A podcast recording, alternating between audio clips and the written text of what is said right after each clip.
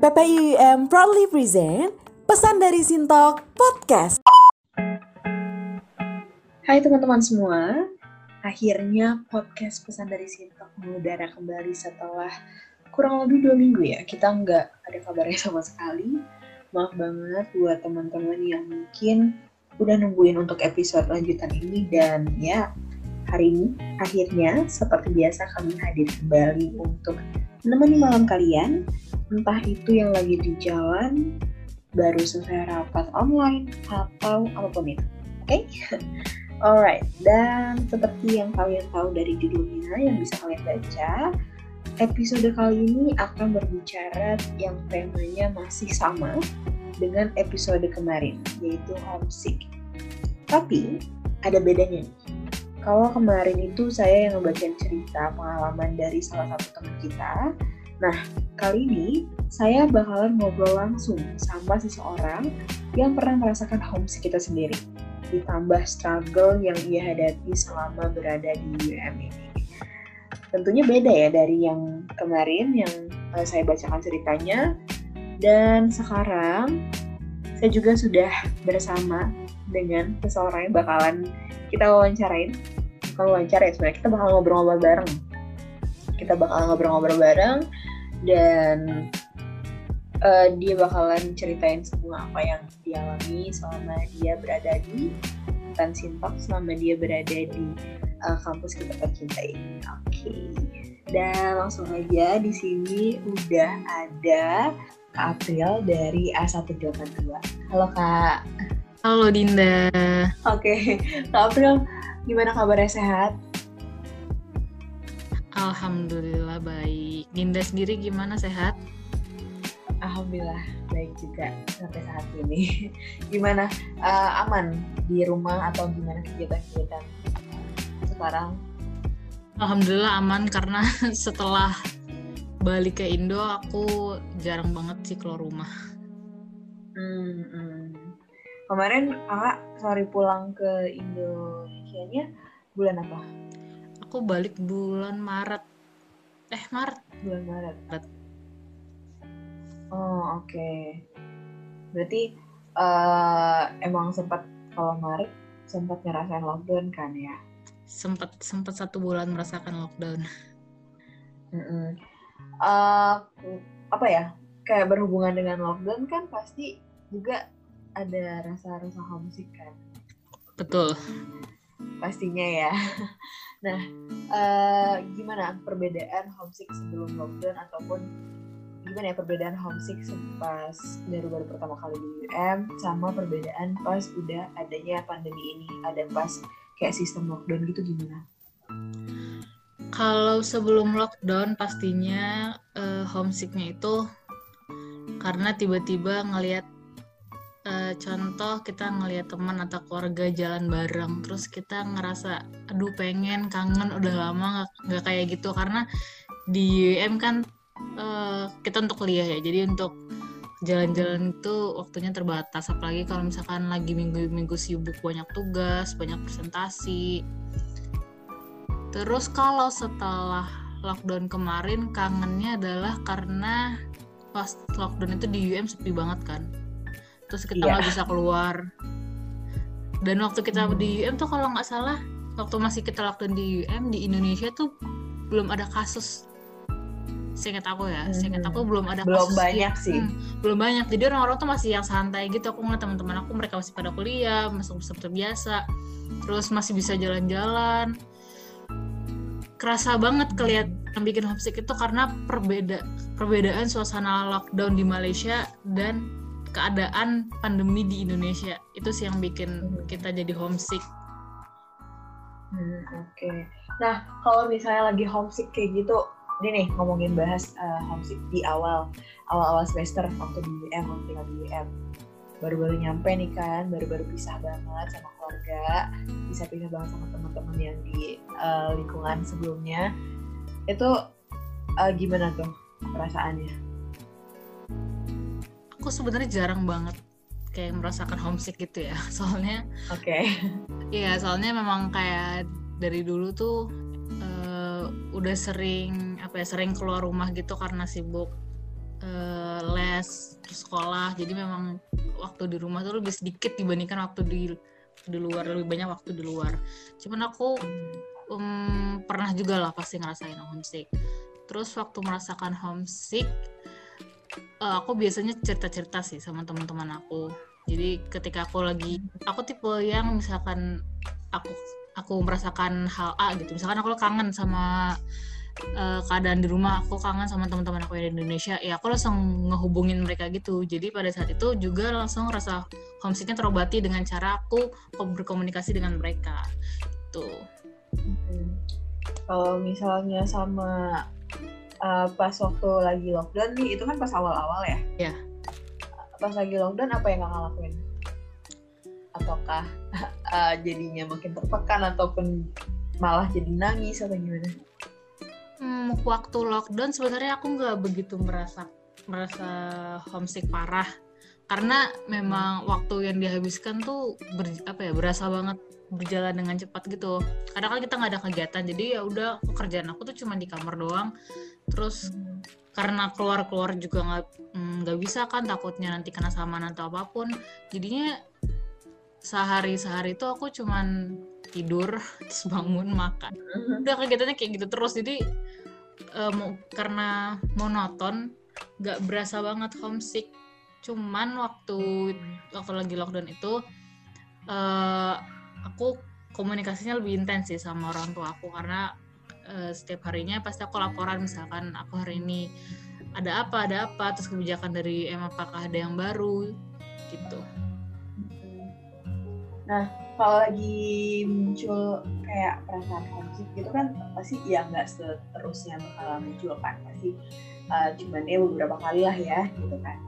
Nah itu apa yang kakak lakuin buat bisa lupa kalau misalnya lagi ah lagi kangen rumah nih atau lagi uh, sedih nih kayak apa yang kakak lakuin biar bisa bahagia lagi? Biar bisa kayak ya udah kayak biasa aja. Biasanya aku ngedistract pikiran sih.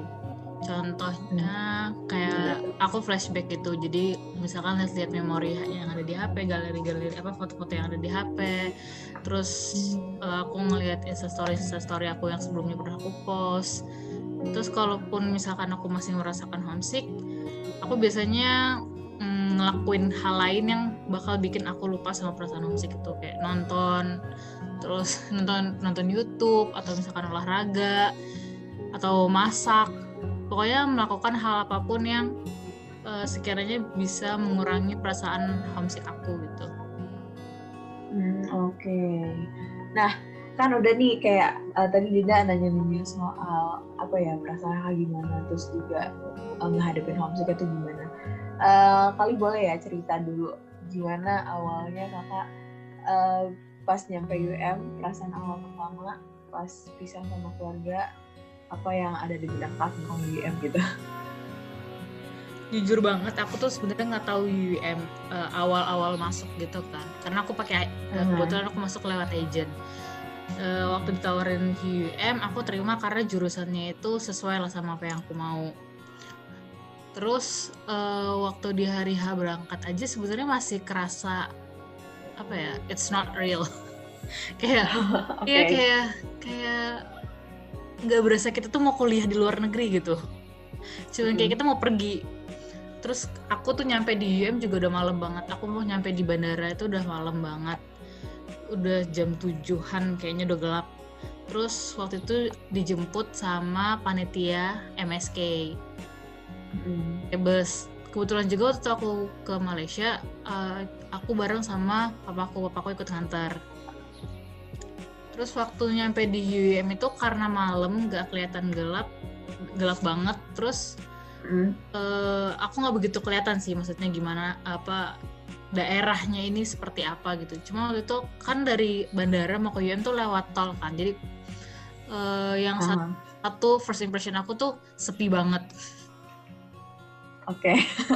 mana emang langsung jalannya lurus lagi ya? Iya iya, tapi emang dari bandara, dari bandara terus kita mau ke kampus tuh jalannya tuh sepi banget. Beda lah beda kalau pas kita di KL kan kita di KL baru keluar bandara aja udah kelihatan walaupun tuh jalan tol tuh kelihatan banget rame mm-hmm. di UM tuh sepi banget terus first impression yang benar-benar bikin aku berasa kayak wah gue udah nyampe di UM nih wah gue, gue kuliah di UM itu waktu aku kita masuk ke gerbang kan di gerbang Oke, ada ada gate ya. anjungan tamu kan terus ada eh ada apa namanya bukan gapura ya apa namanya Oke, yang ya apa namanya? Yang gate-nya banget. ya gate kayak- gate utamanya itu kan Uh-uh. di depan ada logo UM gitu kan terus aku baru berasa Uh-uh. wah di UM terus begitu masuk eh udah berasa loh bahwa UM ini luas kelihatan gitu.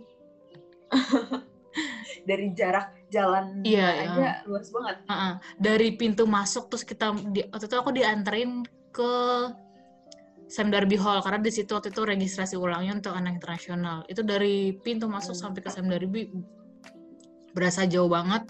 Terus aku ngeliat asrama-asramanya juga itu belum kepikiran nih bakal kamarnya tuh kayak gimana tapi yang aku lihat tuh UM asri sih karena banyak banget pohon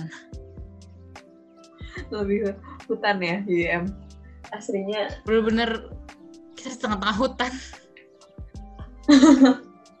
tapi ada kepikiran gak sih awalnya kayak gue mau kuliah di hutan nih. Enggak. Karena kalau kita nyari aku tuh waktu aku pertama kali tahu aku tahu UM, itu aku langsung nyari nyari nyari info lah tentang UM. Kalau kita lihat di internet nggak kepikiran bahwa itu bakal bener-bener jauh dari apa ya jauh dari keramaian terus bener-bener dia itu eksklusif di pojok gitu. Bener-bener di ujung di utaranya Malaysia. Jadi Eh, karena aku waktu itu mikir eh, waktu itu awal-awal dikasih tahu memang dibilang bahwa iya UM ini lingkungannya fokus untuk belajar mhm. tapi di pikiran aku tuh masih kayak kampus-kampus di Indonesia lah ya yang dia Mhm. kampus-kampus di Indonesia kan walaupun dia mau seujung apa pun ataupun mau seasri apa pun atau lingkungannya yang memang bagus untuk belajar untuk bisa fokus belajar tapi masih berasa apa ya masih berasa kotanya lah Mhm. Nah, waktu kelas sedangkan kalau di UM tuh nggak berasa emang berasa lingkungan kampus belajar. aja udah. Berasa kayak punya kehidupan sendiri gitu ya di dalam kayak Iya, ada iya, satu bener-bener. kota gitu ya. Iya bener. Tapi eh masih bisa ini kan kayak masih enjoy aja nongkrong-nongkrong gitu kalau misalnya bosan belajar. Enjoy karena kan di UM juga banyak orang Indonesia kan. Jadi teman-temanku juga banyak orang Indonesia. Tiap hari pun juga ketemu. Jadi nggak bosen sih. Hmm, oke. Nah, eh kalau kakak sendiri buat soal pasti apa gimana ya faktor lingkungan untuk apalagi masalah pertemanan kan nyari temen lumayan nggak bisa asal-asal ya. Apalagi di Mm-mm. bukan di negara kita, apalagi beda kota. Nah itu kakak gimana awal-awal pas nyari temen atau gimana? Atau kayak kepikiran nggak gue bisa dapat gak ya temen yang kayak di kota sebelumnya kayak gitu? Nggak ada sih.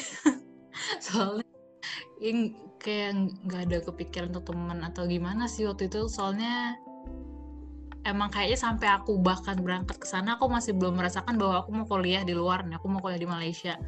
Jadi nggak ada Hmm, belum belum sejauh itu loh pikiran untuk aduh ntar pertemanannya gimana ya terus ini Hmm. gimana ya Eh, soalnya aku sebelumnya juga udah nyari-nyari info melalui Instagram PPUM kan terus kalau aku lihat sih dari Instagram itu dari highlight-highlight acara yang udah mereka laksanakan anak Indo di UM lumayan solid nih. Jadi aku nggak begitu merasa khawatir untuk pertemanan itu sendiri Ka- karena kita juga misalkan kita temenan sama orang lokal pun eh, apa ya budaya kita nggak begitu jauh. Jadi kita dan bahasa pun juga nggak begitu jauh kan?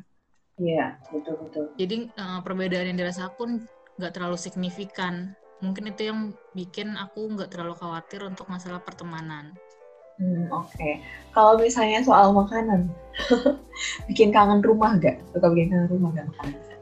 kalau makanan kalau makanan sering banget kangen tapi yang sebenarnya bikin kangen tuh bukan makanan-makanan khas Indonesianya gitu tapi jajanan-jajanan yang kayak kopi janji jiwa jajanan-jajanan hits kayak gitu yang bikin Kayak cilok gitu ya?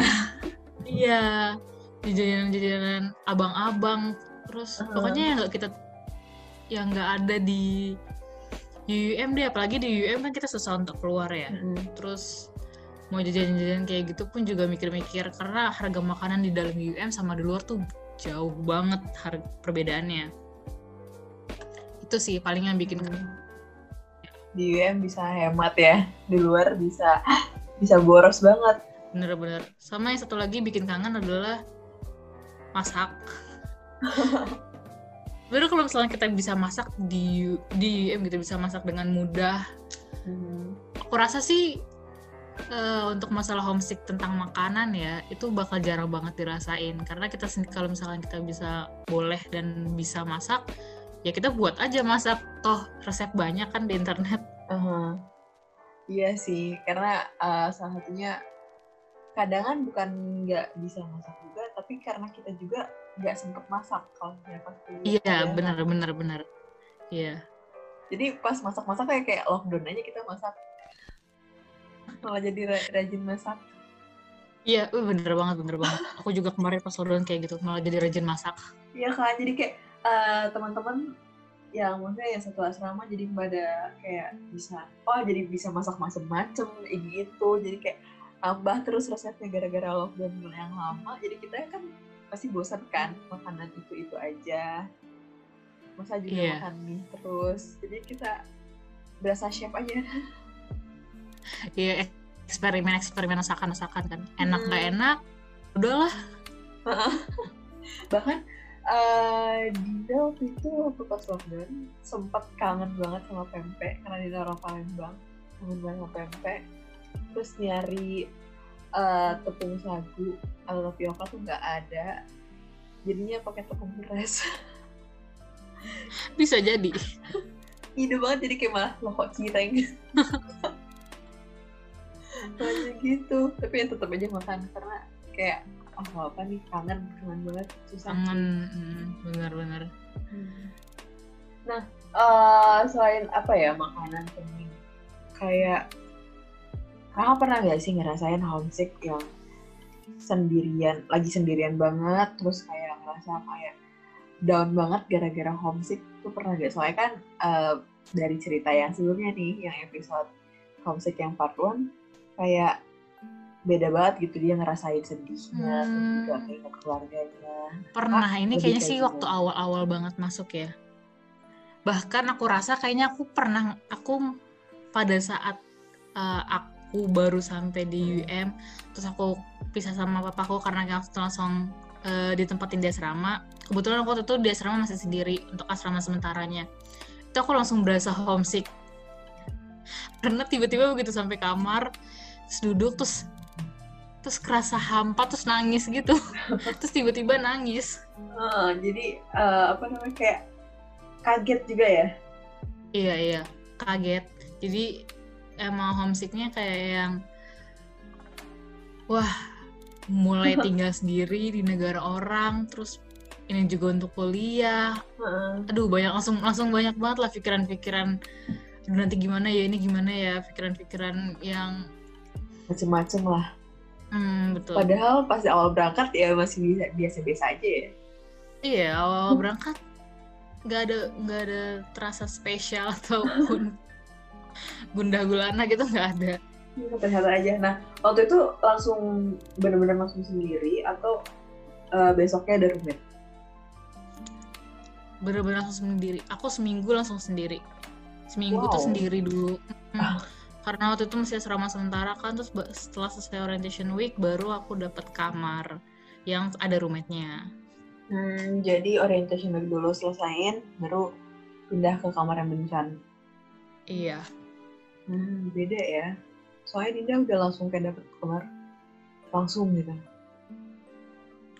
aku waktu Baik. itu karena Dinda 191 nggak sih ya 192. dan dua oh iya Baru Lupa, lupa, banget, lupa. baru banget. waktu itu aku soalnya termasuk telat gitu registrasinya Hmm. jadi mm, aku waktu datang aku tuh waktu datang itu eh udah orientation week day one deh kalau nggak salah ya day one apa day two gitu jadi waktu aku dapet kamar itu udah sendiri karena kan itu dipisah kan kan orientation week antara lokal dengan internasional kan dipisah. Kebetulan teman-teman internasional aku itu udah dapet kamar semua yang orang Indonesianya gitu. Jadi aku itu sendiri. Hmm. Uh, pernah ada apa ya masalah-masalah gitu ya dapet-dapet masalah sama misalnya semester pertama di UM atau gimana awal-awal banyak sih kalau masalah ya yuk kita ceritain satu-satu ya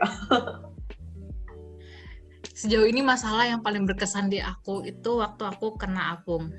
Mm -mm. Jadi waktu aku semester semester 2, aku mau naik ke semester 2, itu aku sama teman aku kena apung. Bagi teman-teman yang belum tahu, apung ini tuh jadi nama kita itu nggak ada di asrama mana pun. Jadi kita nggak terdaftar di asrama mana pun, kita nggak punya kamar. Di portal pun, kan biasanya di portal ada tuh nomor kamar kita. Nah ini nggak ada karena memang nama kita tidak terdaftar di mana pun hmm, jadi berarti kayak di ini ya apa kayak ilegal gitu gitu iya kayak kayak diusir gitu loh oke okay, terus uh, waktu aku kena apung itu uh, aku nyari-nyari info gitu kan. Kayak kenapa nih? Soalnya waktu itu heboh banget beber heboh banget. Karena yang kena apung termasuk lumayan banyak. Oh gitu. terus iya bahkan bahkan aku dengar ada yang sampai tidur di masjid. Waduh parah banget. Iya sampai tidur di masjid satu minggu karena dia nggak punya kamar.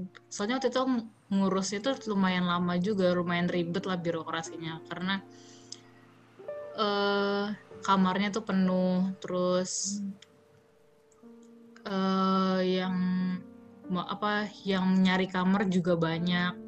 Terus data yang data yang ada di M tuh belum terupdate gitu. Jadi mana yang udah keluar mana yang belum tuh masih tercampur. Hmm. jadi memang nunggunya tuh lama untuk dapat kamar. Aku waktu tuh sempet sama temen aku sekamar kita berempat. Wow. Karena kena aku. Ya sekamar itu berempat selama hampir seminggu dua minggu lah. Oh jadi tuh langsung uh, apa ya barang-barang yang udah di kamar otomatis mesti dikeluarin? Kan barang-barang kan ditaruh di pantry. Nah barang-barangnya hmm. sebenarnya nggak masalah di pantry. Karena waktu itu aku kena apung terus katanya nggak masalah barang-barang di pantry. Cuman ya gitu jadinya barang-barang aku di pantry selama satu minggu. Terus aku nginep di kamar teman aku tuh ya bawa apa pakai yang seadanya aku bawa dari Indonesia aja. Hmm. itu ini banget ya nyusahin banget ya. Banget banget banget. Tapi abis eh, abis itu gimana? Uh, setelahnya itu aku dapet kamar karena uh, kita langsung ke ini sih aku sama teman aku langsung ke SAC terus di situ langsung hmm. ya laporan bahwa kita kena apung terus aku waktu itu rajin hmm. banget ke SAC untuk update follow up ya terus pokoknya setiap hari kita sel, uh, selalu ke si apa selalu ke SAC terus nanya ada kamar atau enggak uh, setelah ada kamar awalnya tuh aku pengennya aku sama temen aku ini biar sekamar aja lah hmm. terus ternyata ternyata nggak ada waktu itu kamar yang kosong. Jadi waktu itu aku duluan sih yang dapat yeah. kamar dibanding temen aku. Jadi temen kakak tetap ini? Tetap tetap numpang. Itu pun aku dapat kamarnya nggak sama dengan asrama aku yang sebelumnya. Aku sebelumnya tuh semester satu aku tuh aku dapet di Petronas. Hmm. terus waktu kena apung akhirnya aku dapet di MIC jauh banget. Itu mental itu mindah mental banget mindah mindahin barang-barang. Iya mindah mindahin barang-barangnya tuh capek banget. Hmm. itu sih yang bikin struggles. Waktu itu pas kena apung tuh bener-bener pusing sih. Hmm. Bener-bener bikin apa ya jadi nggak fokus juga buat uh, buat kuliah hmm. karena biasanya awal-awal minggu-minggu pertama kan juga ngurusin drop gitu. Yeah. sambil ngurusin drop wah itu beban banget. Nah itu kan kalau misalnya pas struggle di pas tinggal ya pas asrama nah kalau misalnya di uh, apa ya pas belajar sendiri atau pas kuliah mulai kelas itu ada gak ada. Kalau struggle kuliah uh, pas belajar kuliah gitu di kelas itu tentang bahasa sih. Hmm. Karena kan kita murid internasional kan. Terus ke- eh, aku tuh biasanya kalau kelas milihnya pokoknya harus yang internasional. Karena biar aman, biar aman gitu pakai bahasa Inggris. Tapi aku pernah pilih kelas dia tulisannya internasional, cuman ternyata gurunya ngomongnya pakai bahasa Melayu. Hmm, nggak sesuai ya jadi ya. Iya nggak sesuai. Terus ketika kita tanya ke school eh, kelas ini benar bahasa Inggris atau enggak, dari school bilang bahasa Inggris.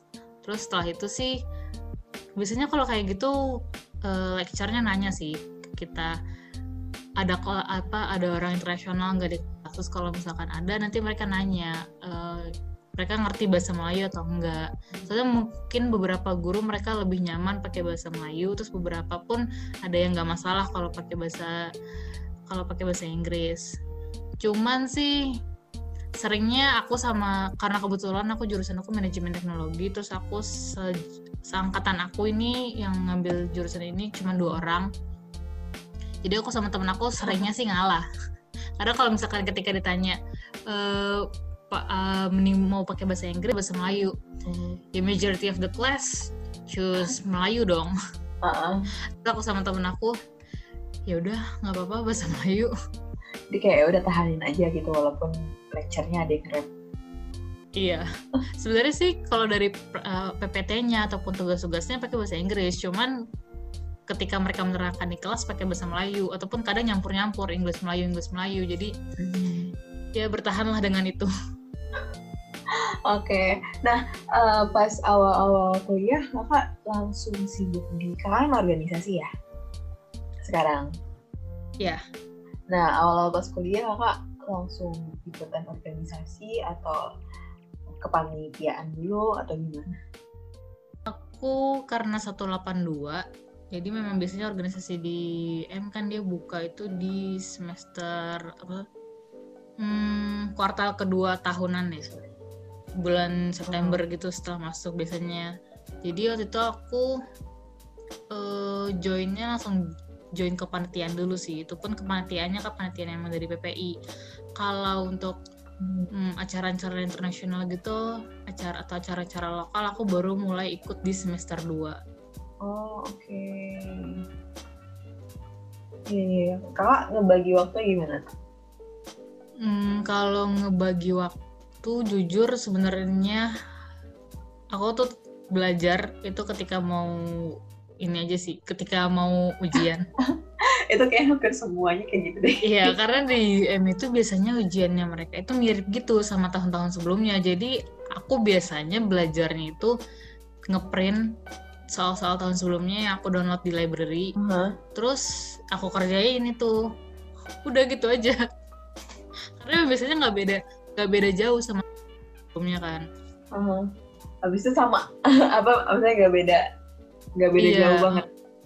nggak beda jauh paling beda angka ataupun misalkan sebelumnya yang tanyanya A terus sekarang tanyanya B jadi nggak begitu sulit sih untuk ngikutin untuk ngejar belajarnya ini Oh, Oke, nah itu buat teman-teman tuh apalagi yang baru semester semester awal at- atau yang baru-baru masuk nih itu dicatat ini terus. tips bukan dari aku doang dari dosen pun juga gitu pasti selalu nyaranin kalian belajar dari past year exam paper sebelumnya gitu Hmm. Karena emang ya pasti ada aja yang uh, diambil dari situ ya dari yang sebelum-sebelumnya ya. kecuali kalau misalkan require hitung-hitungan atau Hmm. hafalan yang banyak ya nggak bisa sih kalau misalkan cuman apa cuman belajar di pasir ya, apa exam paper yang sebelumnya cuman pasti soal-soalnya nggak beda jauh sih jadi kalau jadi wajib tuh untuk apa belajar dari eh, soal tahun sebelumnya Oke. Nah, kakak, eh sorry ini bukan.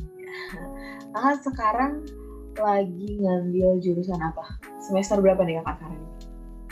aku jurusan manajemen teknologi semester sekarang mau ke semester 4 Oh oke, berarti eh eh iya benar ya semester 4 182 ya.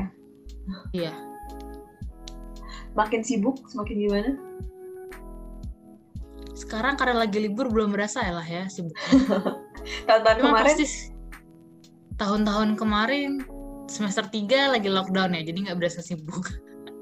Kuliahnya cuma Terus- bentar banget ya.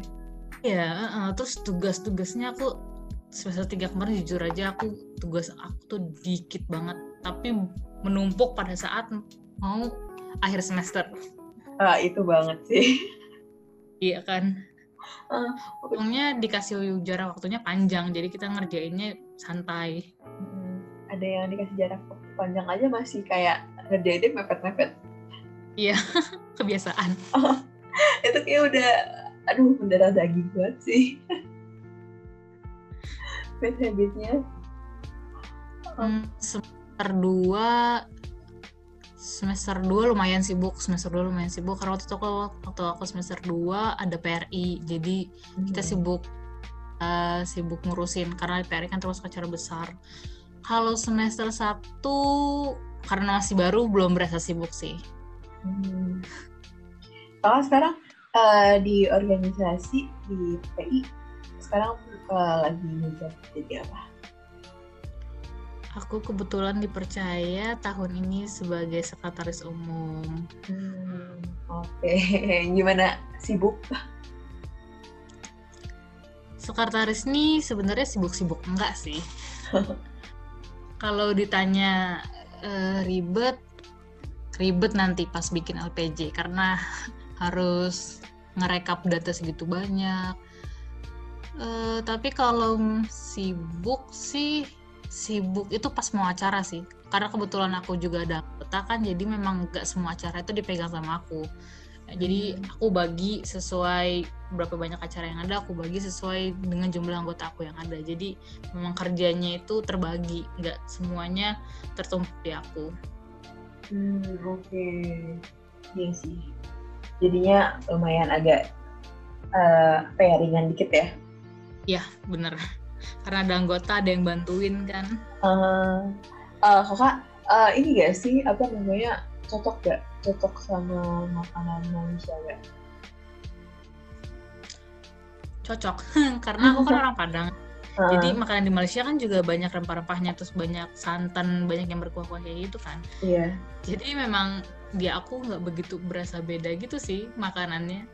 Hmm, ada ada beberapa yang ada beberapa yang beda kayak contoh ini sebenarnya bukan makanan Malaysia sih tapi surprisingly di UM ini banyak banget tom yum karena emang Iya kan? pasti ada gitu kan. Apalagi Hmm, bener, bener, perbatasan. bener. Hmm, bener-bener aku di Indo tuh jarang banget makan tom yum Hmm. sedangkan sama di UM tuh bisa tiap hari makan tom yum kayaknya deh Tapi masih ada ya tom yum yang nggak enak banget.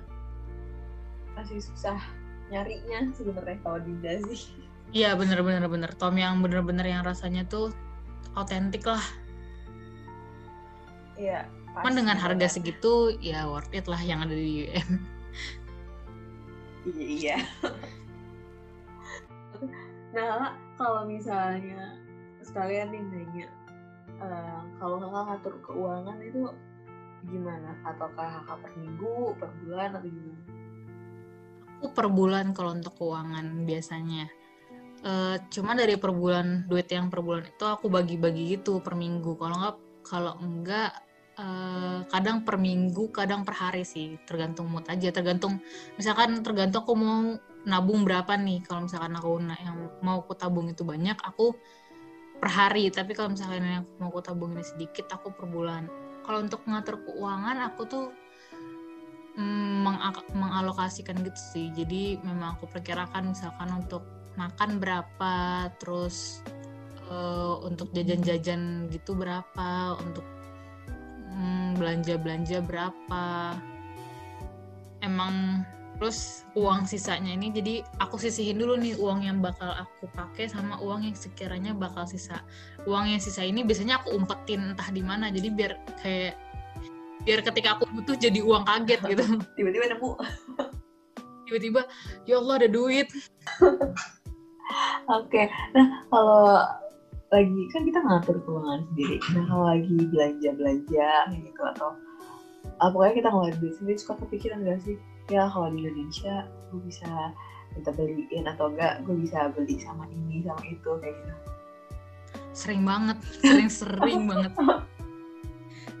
apalagi kalau misalkan barang aku sering banget misalkan aku mau beli barang A gitu terus aku lihat Hmm. wah di Indo ada nih hmm beli nggak ya Jadi mikir itu ya. pasti aku mikir-mikir dulu hmm beli di sini apa mending beli di sana ya tapi lebih seringnya aku jadinya beli di Indo sih karena kalau beli di Indo kan uangnya tuh nggak dari aku nggak Iya dari kan. uang yang dikasih ke aku kan jadi kita masih ada bisa lebih hemat Jadi kayak ah bisa nih pasti nanti ayo udah kita beli ini aja. iya benar Nah, kalau misalnya kayak apalagi pas pandemi eh gimana ya kita ngeliat story story orang terus ngeliat story story teman-teman kayak kan waktu pas pandemi ini banyak banget ya tiba-tiba yang jualan makanan jualan makanan tiba-tiba kayak suka iri gak sih kayak Ih, enak banget bisa beli ini itu beli ini itu di, di Indo mudah banget di sini susah banget Hmm, nggak terlalu sih, soalnya aku juga orangnya tuh nggak nggak terlalu suka jajan-jajan kayak gitu.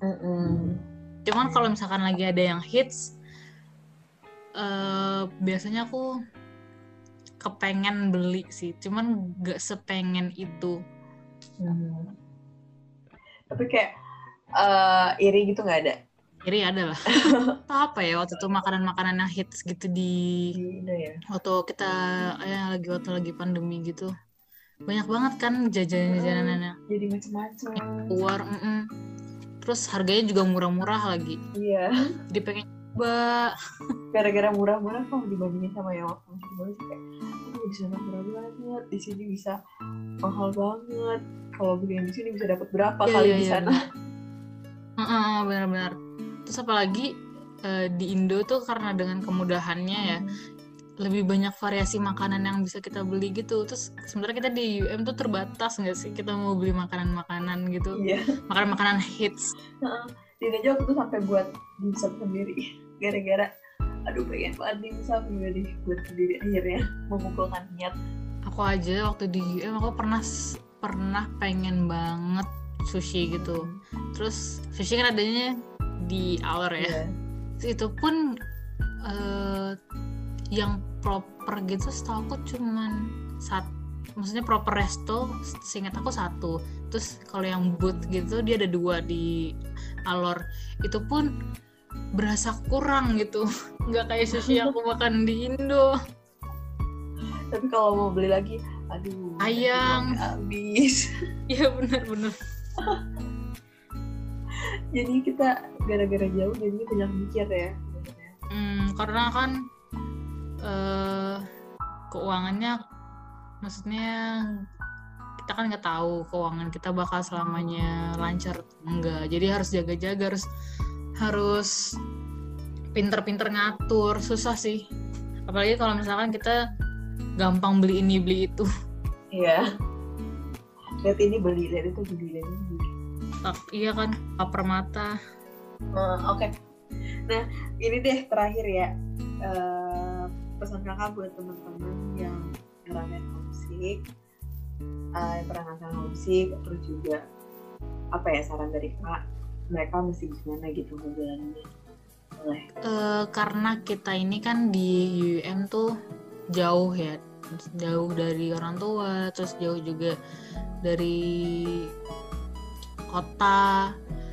Kebetulan di UM nih banyak orang Indonesia terus Mhm. eh, orang-orang di UM juga ramah-ramah. Kalau aku untuk aku sendiri pribadi karena aku sering banget nostalgia dengan cerita-cerita sama teman terus mereka juga bisa relate dengan apa yang aku rasakan waktu di apa waktu aku masih sekolah di Indo itu ngurangin rasa homesick aku sih karena jadinya Hmm. sama-sama kayak kita eh, senasib sepenanggungan gitu iya terus eh, komunikasi dengan orang tua dengan keluarga ataupun dengan teman-teman itu juga ngebantu banget sih untuk apa ya kita nggak berasa jauh jadinya karena kita sering ngobrol sering komunikasi sering cerita sering berbagi juga Hmm.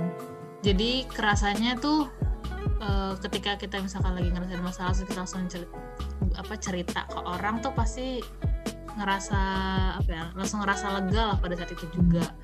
Aku biasanya gitu sih untuk ngurang-ngurangin homesick. Mm-mm, oke. Eh, berarti kita juga mesti apa ya nggak boleh sendiri banget ya? Iya jangan jangan terlalu jadi individualis lah. Mm-mm, betul ah terima kasih kak Apri din. Ternyata kita lumayan lama. Lumayan loh. Lumayan banget lumayan lama kita udah ngobrol. Makasih banget maaf banget mau direpotin. Iya nggak apa-apa. Aku juga mohon maaf. Soalnya aku suka lama banget kan suka liat respon ke kamu.